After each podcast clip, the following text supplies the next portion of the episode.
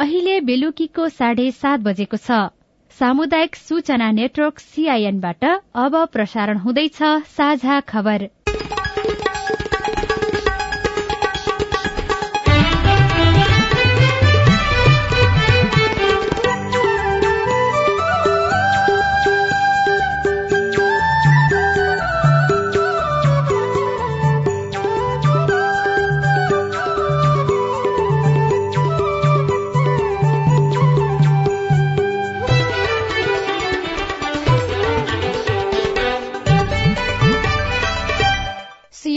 साझा खबरबाट सोभिता रिसालको नमस्कार। साझा खबर देशभरिका सामुदायिक रेडियो सीआईएन खबर डट कम सीआईएनको फेसबुक पेज र मोबाइल एप सीआईएनबाट पनि सुन्न सकिन्छ।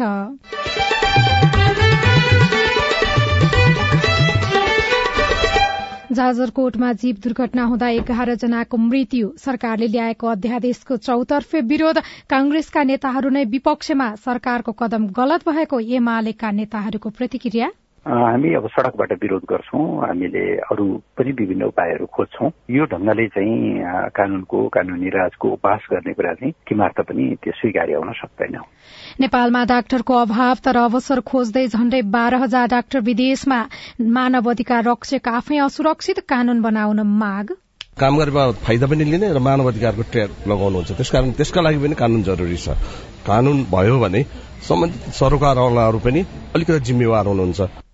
बैंकिङ प्रणालीभित्र तरलतामा सुधार आइरहेको गवर्नरको भनाई। सामुदायिक रेडियोको अलग्गै नीति बनाउन सहयोग गर्ने सरकारवालाको प्रतिबद्धता आगामी सात वर्षमा दस हजार हेक्टर क्षेत्रमा फलफूलको नयाँ बगैँचा बनाउने सरकारको लक्ष्य। बगैँचाको इस्टाब्लिसमेन्ट कस्टमा पचास प्रतिशत अनुदान दिनेदेखि लिएर किसानहरूले अथवा उद्यमीहरूले हुर्काएको फलफूलको बिरुवा हुर्काए बापत उहाँहरूलाई चाहिँ प्रोत्साहन अनुदान पनि दिने। र राष्ट्रिय पुरूष क्रिकेट टीमका मुख्य प्रशिक्षक प्रभाकरलाई निरन्तरता नदिने क्यानको तयारी।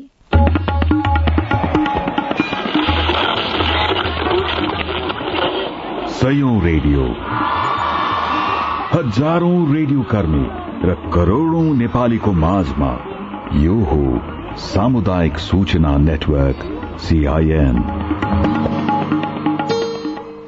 कुकुर तथा अन्य जनावरको टोकाईबाट सर्ने रेबिज रोगका कारण विश्वमा वर्षेनी छब्बीस हजार भन्दा धेरैको मृत्यु हुने गरेको छ। नेपालमा पनि वर्षेनी दुई सय जनाको रेबिजकै कारण मृत्यु हुन्छ। रेबिज लागेका जनावरले टोकेमा रेबिज रोग सर्छ। जनावरले टोकेमा तुरुन्तै अस्पताल पुगी रेबिज विरूद्धको सुई लगाउने जनावरबाट टाढै रहने आफूले पालेका चौपाएलाई रेबिज विरूद्धको खोप लगाउने तथा रेबिजको शंका लागेका जनावरबाट टाढै रहने तथा कुनै कारण सम्पर्क भइहालेमा खोप लगाएमा रेबिजबाट जोगिन सकिन्छ। अब खबर अविनाश आचार्यबाट जाजरकोटमा जीव दुर्घटना हुँदा एघार जनाको मृत्यु भएको छ। मृत्यु हुनेमा तीनजना दैलेख र अन्य जाजरकोटका रहेको प्रहरीले जनाएको छ। दैलेखका अमर बहादुर खड्गा मान बहादुर रावत र वीरेन्द्र केसीको मृत्यु भएको छ। त्यसै गरी जाजरकोटका दीपक अधिकारी नैसरा अधिकारी जयकुवारा अधिकारी राम बहादुर बुढा वीरबहादुर खत्री वीरेन्द्र अमर बहादुर अधिकारी निशा अधिकारी र जयमान अधिकारीको मृत्यु भएको घटनास्थलमा रहेका प्रेम रावलले सीआईएनलाई जानकारी दिनुभयो। दशहराको जेवाबाट लेवाका लागि छुटेको कर्णाली प्रदेश शून्य दुई शून्य शून्य एक छ शून्य चार दुई नौ नम्बरको बोलेरो जीप जाजरकोटको छेडागाडा नगरपालिका चार भीरवाटी भन्ने ठाउँमा दुर्घटना भएको हो। गाड़ी मध्य पहाड़ी राजमार्गबाट खसेको प्रहरीले जनाएको छ। जन्मकैदको सजाय भोगिरहेका रेशम चौधरी लगायत राजनैतिक अभियोगमा मुद्दा चलिरहेका व्यक्तिलाई छुटाउने गरी सरकारले ल्याएको अध्यादेशको चौतर्फी विरोध भएको छ। सरकारको यो निर्णयको सत्ताको नेतृत्वकर्ता दल नेपाली कांग्रेसकै नेताहरूले समेत विरोध जनाएका छन्। यस्तै नेकपा एमाले राष्ट्रिय स्वतन्त्र पार्टी राप्रपा नेपाल लगायत दलले पनि विरोध गरेका छन्। नेपाली कांग्रेसका महामन्त्रीहरू गगन थापा र विश्वप्रकाश शर्माले गलत मनसायका साथ ल्याइएको अध्यादेशको स्वामित्व नेपाली कांग्रेसले लिन नसक्ने भन्दै यसअघि कांग्रेसले पटक पटक अध्यादेश ल्याउनु गलत भएको निचोड़ निकालेको कुरा स्मरण गराउनु भएको छ। कांग्रेसका नेता डाक्टर शेखर कोइरालाले अध्यादेश मार्फत कानून संशोधन गरी अदालतले दोषी ठहराएका व्यक्तिलाई माफी दिने प्रयास गर्नु कानूनी शासन संसदीय प्रणाली राजनैतिक र लोकतान्त्रिक मर्मको उपहास भएको प्रतिक्रिया दिनुभएको छ। यस्तै नेता प्रदीप पौडेलले पनि अध्यादेशको विरोध गर्नुभएको छ। नेकपा एमाले पनि सरकारले ल्याउन लागेको अध्यादेशको विरोध गरेको छ। पार्टीका उपमहासचिव प्रदीप गेवालीले आजीवन कारावासको सजाय भोगिरहेका चौधरी सहितका नेता कार्यकर्ताको रिहाई गर्ने गरी अध्यादेश ल्याउनु गलत भएको प्रतिक्रिया दिनुभयो। सीआईएनसँग कुरा गर्दै उपमहासचिव गेवालीले काम चलाउ सरकारलाई कुनै पनि अध्यादेश ल्याउने अधिकार नभएको भन्दै एमाले त्यसको सशक्त विरोध गर्ने बताउनु भएको छ। पहिलो कुरा दूषित मनसायका साथ यो अगाडि बढाइएको छ। यो चाहिँ जेलमा रहेका राजनीतिक प्रकृतिका बन्दीहरूको रिहाईको कुराको आवरण त्यो देखाउने कुरा मात्रै हो। मुख्य कुरा चाहिँ सरकार गठनमा जोड घटाउबाट प्रेरित छ यो। दोस्रो चुनाव भइसकेपछि नयाँ संसद बन्ने अब अन्तिम चरणमा छ र बैठक पनि छिटै बस्ला। यस्तो बेलामा चाहिँ अध्यादेश ल्याउनु भनेको त्यो जनादेशको अपमान हो नयाँ संसदको अपमान हो। यो एकदमै राजनीतिक रूपले जालसाजीपूर्ण कुरा हो। त्यसो भएर यो अनैतिक अलोकतान्त्रिक र जनभावनाको विपरीत छ। हामी यसको विरोधमा छौँ। अब अहिले संसद पनि छैन। यति बेला एमाले विरोध चाहिँ अब कसरी गर्छ? हामी अब सड़कबाट विरोध गर्छौँ। हामीले अरू पनि विभिन्न उपायहरू खोज्छौँ। यो ढङ्ग ढङ्गले चाहिँ कानूनको कानूनी राजको उपहास गर्ने कुरा चाहिँ किमार्थ पनि त्यो स्वीकार्य हुन सक्दैन। यस्तै राष्ट्रिय स्वतन्त्र पार्टीका सभापति रवि लामी छानेले संसद बन्ने समय आउनै लाग्दा पनि सरकारले अध्यादेश ल्याउनु गलत भएको प्रतिक्रिया दिनुभएको छ। अध्यादेशको बारेमा पार्टीभित्र र बाहिर दुवैतिरबाट विरोध भएपछि सरकारले स्पष्टीकरण दिएको छ।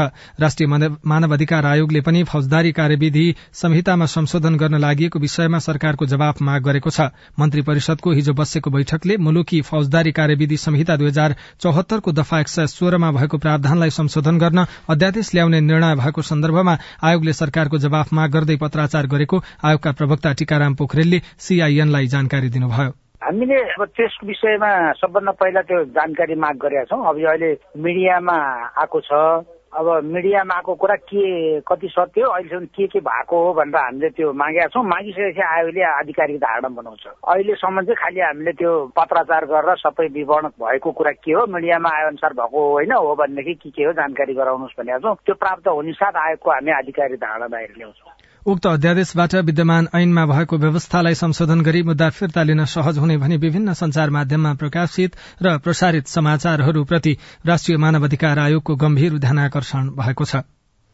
यसैबीच सरकारले भने अध्यादेशको बचाव गरेको छ। सरकारका प्रवक्ता समेत रहनुभएका सूचना तथा संचार प्रविधि मन्त्री ज्ञानेन्द्र बहादुर कार्कीले हिंसात्मक गतिविधिमा संलग्नलाई माफी दिएर मूलधारको शान्तिपूर्ण राजनीतिमा ल्याउन अध्यादेश ल्याउने निर्णय गरिएको बताउनुभयो।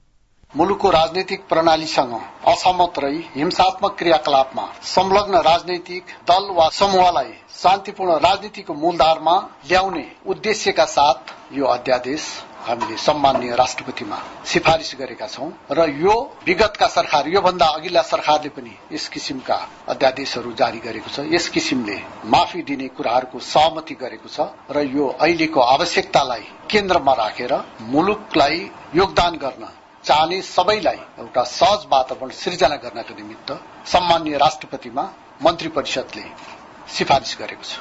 विज्ञहरूले पनि सरकारले गरेको यो निर्णयको विरोध गरेका छन्। सीआईएनसँग कुराकानी गर्दै संविधानविद तथा अधिकारकर्मी सूर्य ढुङ्गेलले भन्नुभयो गभर्मेन्टले केही गलत गरे पनि हामीले सङ्घले बोल्नुपर्छ गभर्मेन्टको यसमा अघि राष्ट्रपतिले पनि बोल्नुभयो भने गर्न ठिक भयो भएन भन्नुपर्छ हामीले मानव अधिकारको दृष्टिकोणबाट अघि। अहिले प्रोसेस भइरहेको हुनाले रेशम चौधरी चाहिँ बडो क्रिटिकल केस हो नि त उसलाई त सुनेछौ रेशम चौधरी त उदाहरण मात्रै हो। सिके राउत र नेत्र विक्रम चन्द विप्लव नेतृत्वको माओवादीका ती सबै व्यक्ति संगठनका जो नेता कार्यकर्ताहरू थुनिएका छन् उनीहरूलाई पनि उन्मुक्ति दिने गरी मानव अधिकारको दृष्टिले चर्चा विश्लेषण त गर्न आवश्यक छ नि त। अब कुनै पनि मान्छेलाई विधि अनुसार रुल अफ ल अनुसार सुनेको छ भने अब सबै कुरालाई हामीले विधिको अनुसार गरेको नभन्नु पोलिटिकल इस्युमा गभर्मेन्टले कुनै नेगोसिएसन गरेर अब यो क्रिमिनललाई चाहिँ उन्मुक्ति दिने किसिमसँग भएको छ भने त्यो ह्युमन राइट्सको एगेन्स्टमा हुन्छ। सिरियसली नै हेरेर बोल्नुपर्ने हुन्छ। हिजोको कुरा त हेर्नै परेन नि। अध्यादेश ल्याएको छ कि योभन्दा अगाडि यो हाउसले पास गरेको विधेयकलाई पनि राष्ट्रपतिबाट रोकेको छ होइन? त भनेको अहिले राष्ट्रपतिले रोक्नुपर्छ भन्ने तपाईँको लाइन? त्यो लाइन होइन मैले अब राष्ट्रपतिले गर्ने निर्णयमा राष्ट्रपतिको विषयमा मैले पहिले पनि बोल्नु मिल्दैन तर के गर्दा मान्छे हाउसले गरेको कुरा पनि उहाँले रिकन्सिडर गरेर सर्वोच्चमा परेको मुद्दामा उहाँले जवाब दिँदाखेरि मैले जे गरेँ ठिक गरेँ भनेर राख्नु भएको होइन। भन्नु सबैलाई हेर्नुभयो होला नि। इन्डिभिजुअली मैले कन्स्टिट्युसनको दृष्टिकोणले बोल्दा एउटा होला? मलाई ह्युमन राइट पर्सपेक्टिभबाट मानव अधिकार आयोगले पनि क्लोजली अब्जर्भ गरिरहेको हुन्छ। अनि त्यो बेलामा अब तपाईँसँग कुरा गर्न लाग्यो व्यक्तिगत तपाईँको धारणा चाहिँ के हो संक्षिप्तमा होइन व्यक्तिगत धारणा के छ भने यो त तपाईँको राष्ट्रपति कार्यालयले अब संविधान सभा प्राइम मिनिस्टरले नि सोधेर कन्सल्ट गरेर गरे होला। अब राष्ट्रपति कार्यालयबाट त्यस विषयमा अध्ययन गरेर के रिस्पोन्स हुन्छ? अनि त्यसपछि हामीहरू भनौँला है त। अध्यादेश राष्ट्रपति कार्यालय शीतल निवास पुगेको छ। राष्ट्रपति कार्यालयका संचार विज्ञ टीका ढकालले अध्यादेश आइपुगेको जानकारी दिनुभएको छ। अध्यादेशको बारेमा राष्ट्रपतिले अध्ययन गरेपछि मात्रै थप निर्णय गर्न सकिने राष्ट्रपति कार्यालयले जनाएको छ। जनगणना दुई हजार अठहत्तरको पूर्ण विवरण पन्ध्र पुसभित्रै सार्वजनिक गर्ने तयारी भएको छ। अहिले जनगणनाका विवरणहरू प्रशोधनको काम भइरहेको तथा अब तयार भएका विवरण क्रमशः सार्वजनिक गर्ने तयारी गरिएको तथ्याङ्क विभागका निर्देशक ढुण्डीराज लामिछानेले जानकारी दिनुभयो। तथ्याङ्क विभागले जनगणनाको प्रारम्भिक विवरण गत माघ दोस्रो साता सार्वजनिक गरेको थियो। प्रारम्भिक नतिजा अनुसार नेपालको कुल जनसंख्या दुई करोड़ एकानब्बे लाख बयानब्बे हजार चार सय अस्सी रहेको छ। पूर्ण विवरणमा यो केही फरक पर्न सक्ने विभागले जनाएको छ। प्रारम्भिक प्रतिवेदन अनुसार दुई हजार अडसठीको तुलनामा नेपालमा छब्बीस लाख सन्तानब्बे हजार नौ सय छयत्तर जनाले जनसंख्या बढ़ेको पाइएको थियो। यस अनुसार नेपालको जनसंख्या वृद्धि दर शून्य दशमलव नौ तीन प्रतिशत मात्र रहेको देखिएको थियो। विभागले प्रारम्भिक विवरण सार्वजनिक गरेको छ महिनामा पूर्ण विवरण ल्याउने भनेको थियो। प्रारम्भिक प्रतिवेदन सार्वजनिक भएपछि नेपालमा भएका लगातार दुईवटा निर्वाचनका कारण समेत पूर्ण विवरणको काम पूरा हुन समय लागेको विभागको भनाइ छ। नेपाल राष्ट्र बैंकका गभर्नर महाप्रसाद अधिकारीले बैंकिङ प्रणालीभित्र तरलता सुधार आइरहेको बताउनु भएको छ। अन्तर बैंक दर साढे आठबाट सात दशमलव शून्य सात प्रतिशतमा झरेको पनि उहाँले बताउनुभयो। नेपाल बैंकर्स संघको वार्षिक साधारण सभा कार्यक्रममा गभर्नर अधिकारीले वित्तीय क्षेत्र अब ट्र्याकमा आएको धारणा राख्नुभयो। नेपालको अर्थतन्त्रमा संरचनात्मक समस्या भएको भन्दै उहाँले मुख्य ड्राइभर रेमिट्यान्स रहेको उल्लेख गर्नुभयो। साझा खबरमा अब खेल खबर। नेपाल क्रिकेट संघ क्यानले राष्ट्रिय पुरूष क्रिकेट टोलीका मुख्य प्रशिक्षक मनोज प्रभाकरलाई निरन्तरता नदिने तयारी गरेको छ। विश्वकप लीग दुई अन्तर्गत नामिबिया र स्कटल्याण्डसँगको श्रृंखलामा टीमले खराब प्रदर्शन गरेपछि प्रशिक्षक प्रभाकरलाई जिम्मेवारीबाट हटाउने तयारी गरिएको नेपाल क्रिकेट संघ क्यान स्रोतले जानकारी दिएको छ। उहाँलाई गएको साउनमा एक वर्षका लागि टीमको मुख्य प्रशिक्षक नियुक्त गरिएको थियो। तर उहाँको नेतृत्व चित्त बुझ्दो नभएको टोलीको प्रदर्शन खस्किनुका साथै खेलाड़ी पनि असन्तुष्ट रहेकाले राजीनामा माग गरिएको र राजीनामा नदिए बर्खास्त गर्ने तयारी गरिएको छ।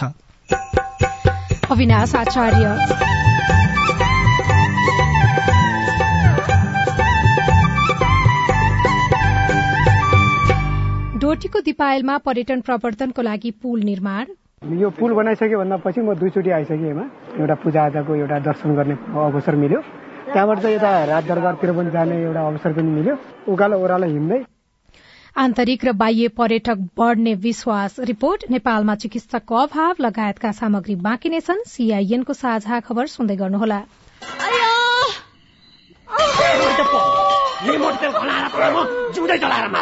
ए बुढा बुढा लौन नि त्यो माइलाले त मार्ने भयो त माइलीलाई। मटी त पो खनाउँदैछ त। लौन नि झट्टै पुलिस बोलाइदिनु त। हो त पुलिसलाई खबर नगरी भएन। यसले त अति नै गर्न लाग्यो। एक शून्य शून्य। Hello police station?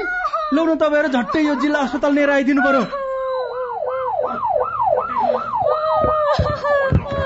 तपाईँहरू जस्तो असल छिमेकीलाई चाहिँ धेरै धन्यवाद है। हामीलाई बेलैमा खबर गरिदिनु भएर थप अप्रिय घटना हुन पाएन। यसरी अग्निजन्य हिंसा महिला हिंसा गर्नेलाई त कानून बमोजिम दण्ड सजाय हुन्छ। ल यसलाई लिएर हिँड्नुहोस् त।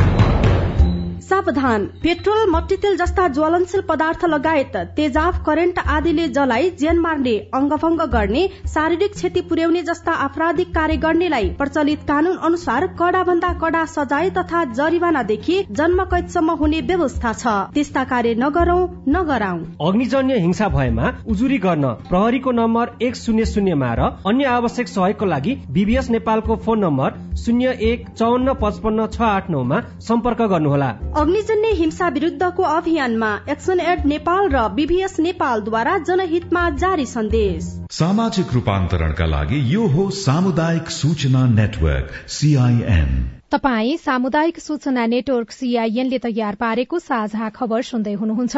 आगामी सात वर्षमा दस हजार हेक्टर क्षेत्रफलमा फलफूलको नयाँ बगैंचा स्थापना गर्ने लक्ष्यका साथ सरकारले एउटा आयोजना सञ्चालन गर्ने भएको छ।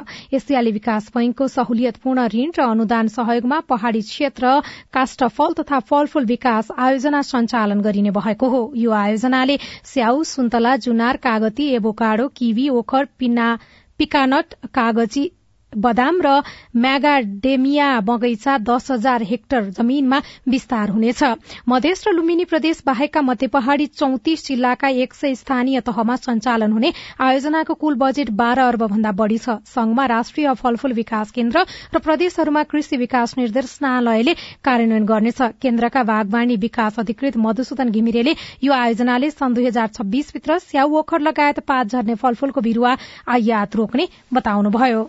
बगैँचा स्थापना गर्नको लागि विभिन्न कार्यक्रमका मोडेलहरू छन्। हामीले इनपुटमा त्यो बगैँचाको इस्टाब्लिसमेन्ट कस्टमा पचास प्रतिशत अनुदान दिनेदेखि लिएर किसानहरूले अथवा उद्यमीहरूले हुर्काएको फलफुलको बिरुवा हुर्काए बापत उहाँहरूलाई चाहिँ प्रोत्साहन अनुदान पनि दिने जस्तो उदाहरणको लागि किसानले दुई हेक्टरमा स्याउको बिरुवा रोप्नुभयो भने उहाँले अब कम्तीमा सयवटा स्याउको बिरुवा रोप्नुभयो। पहिलो वर्षमा भने उहाँले सयवटा स्याउको बिरुवा रोप्नको लागि आवश्यक पैसाको फिफ्टी पर्सेन्ट अनुदान पाउनुहुने भयो र दोस्रो वर्षमा चाहिँ उहाँको सय मध्ये चाहिँ उहाँले पन्चानब्बेवटा बिरुवा चाहिँ हुर्काउनु भयो भने पन्चानब्बेवटा बिरुवा हुर्काए बापत उहाँलाई चाहिँ क्यासमा इन्सेन्टिभाइज गर्ने भन्ने चाहिँ आयोजनाले परिकल्पना गरेका छ। एउटा बिरुवाको जिरो पोइन्ट फाइभ डलर भनेको छौँ अहिले हामीले लगभग हामी सत्तरी अस्सी रुपियाँ जति पैसा एउटा बिरुवा हुर्काए बापत उहाँलाई दिने। फलफुल खेती गर्ने किसानलाई त्यो फलको उत्पादन नआउन्जेल हामीले उहाँलाई त्यहाँभित्र इन्टरकल्चर गर्नको लागि भित्र रोप्न मिल्ने स्यालो रुटेड क्रप्सहरूको चाहिँ खेतीपाती गर्नको लागि चाहिँ अरू खालको सपोर्ट गर्ने ताकि किसानहरू फलफुलमा इन्ट्रेस्टेड भएर आउन् र यो हाम्रो बाँझो रहेको जमिनहरूलाई पनि अलिकति म्यानेज गर्न सकियोस् र उपयोगमा ल्याउन सकियोस् भन्ने हिसाबले काम गर्ने भन्ने लक्ष्य हो। आयोजनाबाट तीस हजार किसान लाभान्वित हुने अनुमान गरिएको छ। यो आयोजनाले फलफूलको बगैंचा विकासमा लगानी गर्न नसक्ने दस हजार साना किसानलाई पनि प्रत्यक्ष फाइदा पुर्याउने विश्वास गरिएको छ। आयोजना अवधिभर एक हजार हेक्टरमा तरकारी तथा अन्य पौष्टिक बाली उत्पादन हुनेछ। सामुदायिक रेडियोमा समुदायको सहभागिता बढ़ाउन र दिगोपनाका लागि छुट्टै नीति ल्याउनु पर्नेमा सरकारवाला निकायले जोड़ दिएका छन्। युनेस्को र अमार्क एसिया प्यासिफिक संघको सहकार्यमा सामुदायिक रेडियो प्रसारक संघ अकुराबले आज काठमाण्डुमा गरेको सामुदायिक रेडियो नीति निर्माण सम्बन्धी रणनीति तर्जुमा बैठकमा सहभागीहरूले सामुदायिक रेडियोको नीति नहुँदा पहिचान स्थापित हुन नसकेको बताएका हुन्। संचार कानूनका विज्ञ काशीराज दाहालले आम संचार नीति दुई हजार त्रिहत्तरमा सामुदायिक रेडियोका लागि छुट्टै नीति आवश्यक रहेको निचोड़ निकालिएका कारण सामुदायिक रेडियो अभियन्ताहरूले मापदण्ड निर्माण र त्यसको कार्यान्वयनका लागि संघीय सरकारलाई दबाव दिनुपर्ने बताउनुभयो। राष्ट्रिय समावेशी आयोगका प्रवक्ता पुष्पराज तिमल सिन्हाले सीमान्तकृत पछाडि पारिएका वर्ग समुदायका लागि सामुदायिक रेडियोको महत्व धेरै भएको उल्लेख गर्दै सामुदायिक रेडियो नीति निर्माणका लागि सहकार्य गर्न आफूहरू तयार रहेको बताउनुभयो। कार्यक्रममा राष्ट्रिय मानव अधिकार आयोगका कार्यवाहक सचिव मुरारी खरेलले नीतिमा कसरी समुदायको सहभागिता बढ़ाउन सकिन्छ भन्ने बारेमा परामर्श सहजीकरणका लागि आयोग तयार रहेको बताउनुभयो।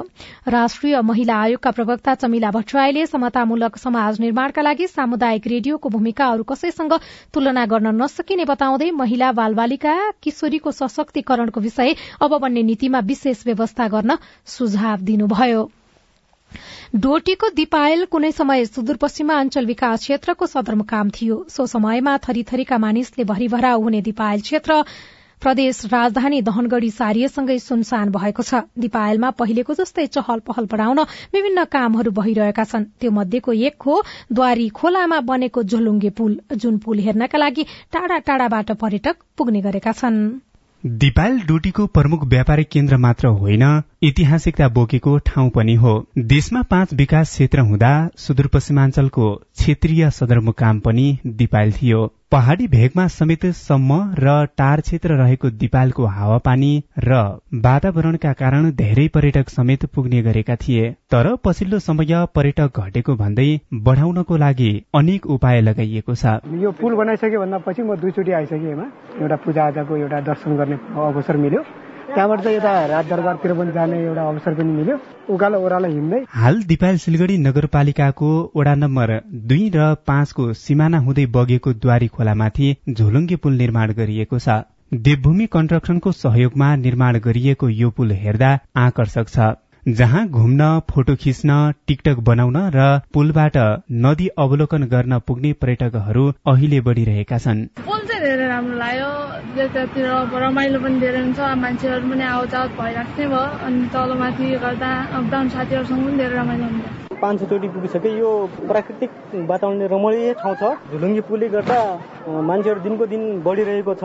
नगरपालिकाको दुई र पाँच नम्बरलाई जोड्ने गरी सत्तरी मिटर उचाइ र दुई सय मिटर लामो झोलुङ्गे पुल बनाइएको हो। यो ठाउँसँग ऐतिहासिकता समेत जोडिएको छ। जीर्णोद्वार गणैगौडा कोट दरबार र दुधेश्वरी जोड्ने पुल बनेपछि यो ठाउँ पर्यटकको रोजाइमा परेको बताउनुहुन्छ स्थानीय व्यापारी तेज डुम्रेल। सात आठ सय चाहिँ दैनिक भिड लाग्ने गरेको छ। विशेष गरी शनिबार विभिन्न जिल्लाहरूको चाहिँ यहाँ आइरहेछ। विदेशी नागरिक पनि आइरहेछ। जिप लाइन जोड्न सकियो भनेर यहाँदेखि पाएको छौँ जिप लाइन होइन? त्यसै गरी यहाँ चाहिँ बन्जी जमिनको सम्भावना त्यत्तिकै छ होइन? सड़क छेउबाट पुलसम्म पुग्न करिब दस मिनट पैदल यात्रा गर्नुपर्छ। दिपाल पुग्ने जो कोहीले एकपटक झोलुङ्गे पुलको अवलोकन गरेकै हुन्छन्। छिमेकी जिल्लाहरूबाट पनि पर्यटक आउने गरेका छन्। हप्ताको छ दिन कार्यालयको काममा व्यस्त रहने कर्मचारीहरू पनि काम गर्दा थाकिएको बोझ हटाउन शनिबार एक दिन यहाँ पुग्ने गरेका छन्। मालपोत कार्यालय ड्युटीका कम्प्युटर अपरेटर गणेश मल्ल। त्यहाँबाट हामी यसो दिपाली झरेर यो ठाउँमा आएर मैले चाहिँ आजको दिन चाहिँ यहाँ स्पेन्ड गर्दा चाहिँ मलाई एकदम चाहिँ मजाको फिलिङ्स भएको छ होइन।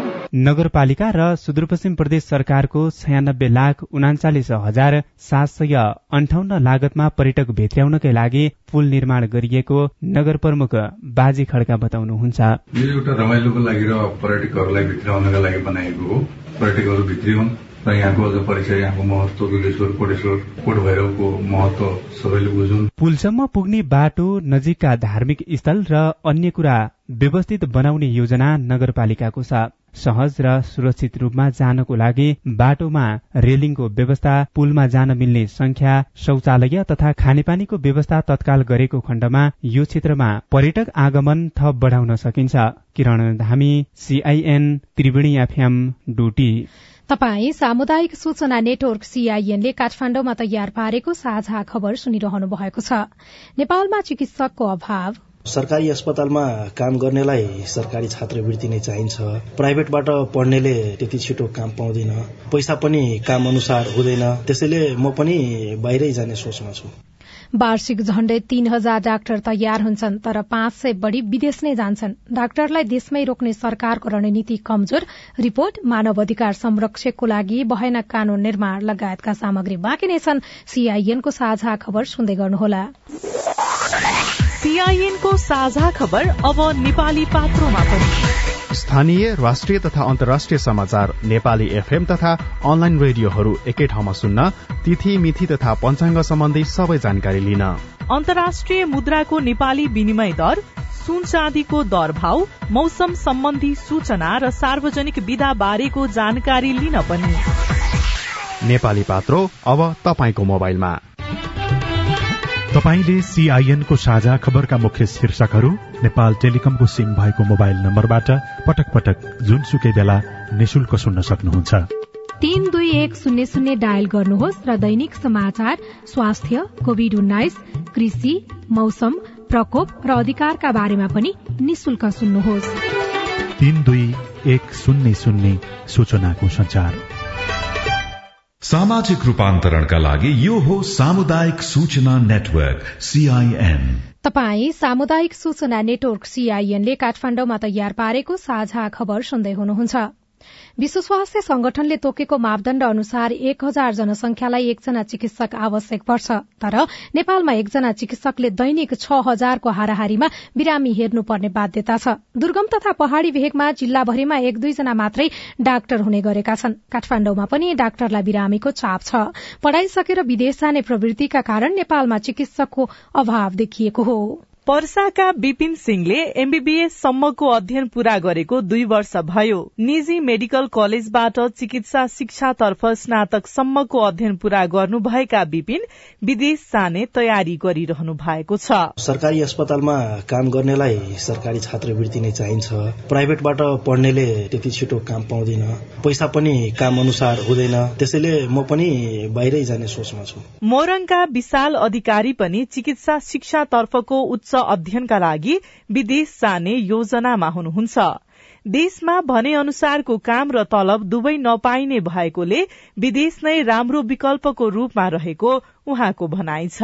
मेडिकल यत्रो लगानी गरेर पढ्यो भने अनुसारको चाहिँ काम पाइँदैन तलब हुन्न राम्रो होइन? छात्रवृत्तिमा पढ्नु पर्यो। सरकारी छात्रवृत्ति पढिएन भने सरकारी जागिर खान गाह्रो भयो। त्यो भएको कारणले गर्दा धेरै विद्यार्थीहरू चाहिँ विदेश पलायन भइरहेका छन्। म पनि विदेश जाने तयारीमै छु। नेपाल मेडिकल काउन्सिलमा हाल तीस हजार एक सय तेत्तीस जना चिकित्सकले नाम दर्ता गराएका छन्। तर देशभर अठार हजार चिकित्सक मात्रै कार्यरत रहेका छन्। दर्ता भएका बाँकी बाह्र हजार चिकित्सक मध्ये केहीको मृत्यु भइसकेको छ भने केहीले पेसा नै परिवर्तन गरेका छन्। काउन्सिलका सदस्य समेत रहनुभएका नेपाल चिकित्सक संघका अध्यक्ष डाक्टर लोचन कार्की। एमबीबीएस गर्ने बित्तिकै साथीभाइहरूको कुरा सुन्यो भने उनीहरू विदेशी नै बाटो खोज्न थालिहाल्छन् किनभनेदेखि हामीसँग यहाँ सेवा सुविधा ठिक छैन। त्यही डाक्टर हो उसले पढ्ने किताब अमेरिकामा पनि पढ्ने किताब त्यही हो अनि अमेरिकामा गएर उपचार गर्दाखेरि अठार गुणा पैसा ज्यादा आउने नेपालमा वर्षेनी करिब पच्चीस सयदेखि तीन हजार चिकित्सकहरू तयार हुन्छन्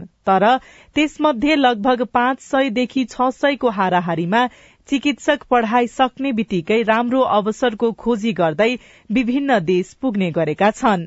देशमा पढेर दक्ष बनेका डाक्टर विदेशिन्छन् नेपालका लाखौं बिरामी भने चिकित्सकको अभाव खेपिरहेका छन्। डाक्टरहरूलाई स्वदेशमै रोक्नका लागि सरकारले के गरिरहेको छ? स्वास्थ्य तथा जनसंख्या मन्त्रालयको नीति योजना तथा अनुगमन महाशाखाका प्रमुख डाक्टर कृष्ण पौडेलको जवाब छ। अहिलेको सेवा सुविधा र जुन लगानी गर्नुपर्छ चिकित्सक बन्नलाई जति वर्ष जति खर्च आफैमा महँगो छ सरकारले स्कलरसिप दिँदै पनि त्यसका पाठ्य सामग्रीहरू किताबहरू हामी त्यसका भुक्तभोगी पनि हौ। राज्यले हेर्नै पर्ने विषय चाहिँ हो भन्छु तर अहिले नै एउटा ठ्याक्कै कुनै नीति त्यसमा निर्णय त्यस्तो केही भइसकेको छैन। डाक्टरसँग भेटेर स्वास्थ्य जाँच गर्न नपाएकै कारण देशभर वर्षेनी सरदर अस्सीदेखि नब्बे जनाको मृत्यु हुने गरेको तथ्याङ्क सरकारको छ।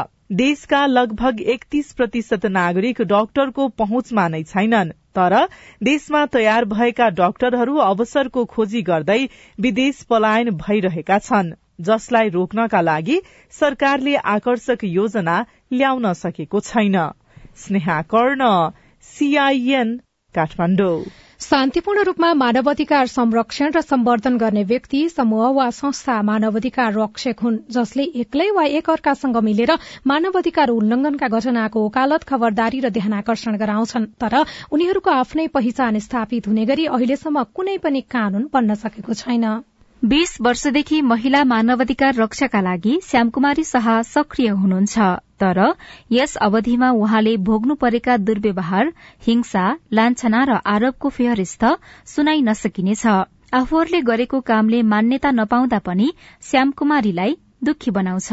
सुरक्षाको चुनौती हुँदाखेरि चाहिँ कसले सुरक्षा दिने त भन्ने खालको कुरामा पनि त्यो एउटा आम नागरिक जस्तै गरी यो मानवाधिकारको क्षेत्रमा काम गर्ने साथीहरूको पनि सुरक्षाको सवाल चाहिँ त्यसरी नै आउँछ। उहाँहरू चाहिँ कहीँ काम गर्न गयो भने सुरक्षित जान पाउनुपर्छ वा सुरक्षित हुनुपर्छ भन्ने खालको पनि कुनै मेकानिजमहरू चाहिँ छैन। घटनामा पीड़ितको न्यायका लागि आवाज उठाउने व्यक्तिले धम्की हिंसा तथा गैर कानूनी पक्राउको सामना गर्नु परेको अवस्था हालसम्म छ। त्यसबाट जोगिनका लागि कानून आवश्यक रहेको बताउँदै मानव अधिकार रक्षक सञ्जु सिंह विश्वकर्मा। कतिपय मानव अधिकार रक्षकका नाममा चाहिँ जुन भक्षकहरूले पैसा लिएर झगडा मिलायो भने ती मानव अधिकार अथवा विविध कामहरू गरेर नि त्यो काम गरेर फाइदा पनि लिने र मानव अधिकारको ट्र्याक लगाउनुहुन्छ। त्यसकारण त्यसका लागि पनि कानून जरुरी छ। कानून भयो भने सम्बन्धित सरकारवालाहरू पनि अलिकति जिम्मेवार हुनुहुन्छ। मानव अधिकारका लागि देशभर कति व्यक्ति र संघ संस्थाले रक्षको काम गरिरहेका छन् भन्ने यकिन तथ्याङ्क कतै पनि छैन। उनीहरू वर्षौंदेखि पहिचान बिना नै खट्ने अवस्था अन्त्य गर्न राष्ट्रिय मानवाधिकार आयोगले कानूनको मस्यौदा तयार गरिरहेको छ। आयोगका मानवाधिकार अधिकृत दिपेन्द्र बहादुर सिंह। मानवका रक्षको सुरक्षा र संरक्षण र उनीहरूको सम्मान र मर्यादाका लागि यो कानून बनाउनु अनिवार्य अपरिहार्य भएकोले हामीले चाहिँ सिफारिस गरेका छौँ भनेर चाहिँ नेपाल सरकारलाई सिफारिस गर्छ। सिफारिस गर्ने क्रममा ए मसौदा पनि हामीले बनाएर दिएका छौँ। यो यो चरणमा छलफल भएर यो चाहिँ तपाईँहरूको सहजताका लागि यो यो मसौदा बनाउने काम हाम्रो होइन राष्ट्रिय मानवाधिकार आएको होइन। यो नेपाल सरकारले नै बनाउने हो। तर हामीले कस्तो भन्दाखेरि यो सहज होस् भन्नका लागि हामीले बनाएका हौँ। यो मस्यौदामा मानव अधिकार रक्षको पहिचान र अधिकार अभिलेख तथा प्रोत्साहन सुरक्षा सम्बन्धी व्यवस्था कोष तथा कसुर र सजाय सम्बन्धी व्यवस्था प्रस्ताव छ। मानव अधिकार रक्षकको अवस्था अध्ययन प्रतिवेदन दुई हजार उनासीले मानव अधिकार रक्षकको सुरक्षा पहिचान तथा भूमिकालाई स्वीकार्य बनाउन र मान्यता दिन सरकारलाई सुझाएको छ। आयोगका पूर्व सदस्य कपिल श्रेष्ठ। सरकारले बिना कुनै अंकुश बिना कुनै कसर मानव अधिकारलाई सम्मान गर्न पर्दछ। मानव अधिकारवादीहरूको कामलाई महत्व दिनु पर्दछ। जसले गर्दाखेरि मानव अधिकारवादीहरू अलिक खुला रूपमा काम गर्ने अवसर पाउँछ। मानव अधिकार आयोगले सरकारलाई सिफारिश गर्न राष्ट्रिय कानूनको मस्यौदा बनाउँदै गर्दा मानव अधिकार रक्षकहरू केही उत्साहित छन्। तर आयोगले दिएको सुझाव र निर्देशन मध्य पैंतालिस प्रतिशत भन्दा बढ़ी कार्यान्वयन नहुने वर्तमान अवस्थाका कारण चिन्तित पनि छन्। जाजरकोटमा जीव दुर्घटना हुँदा एघार जनाको मृत्यु भएको छ। सरकारले ल्याएको अध्यादेशको चौतर्फी रूपमा विरोध भएको छ। कांग्रेसका नेताहरू नै विपक्षमा देखिएका छन्। सरकारको कदम गलत भएको एमाले प्रतिक्रिया दिएको छ। नेपालमा डाक्टरको अभाव छ तर अवसर खोज्दै झण्डै बाह्र हजार डाक्टर विदेशमा रहेका छन्। मानव अधिकार रक्षक आफै असुरक्षित बनेका छन्। उनीहरूले कानून बनाउन माग गरेका छन् र सामुदायिक रेडियोको अलग्गै नीति बनाउन सहयोग गर्ने सरकारवालाले प्रतिबद्धता व्यक्त गरेका छन्। आजलाई साझा खबरको समय सकियो। प्राविधिक साथी सुरेन्द्र सिंहलाई धन्यवाद। भोलि मंगिर सत्ताइस गते बिहान छ बजेको साझा खबरमा फेरि भेटौँला। अहिलेलाई सोभितारी साल पनि विदा हुन्छु। नमस्कार शुभरात्री।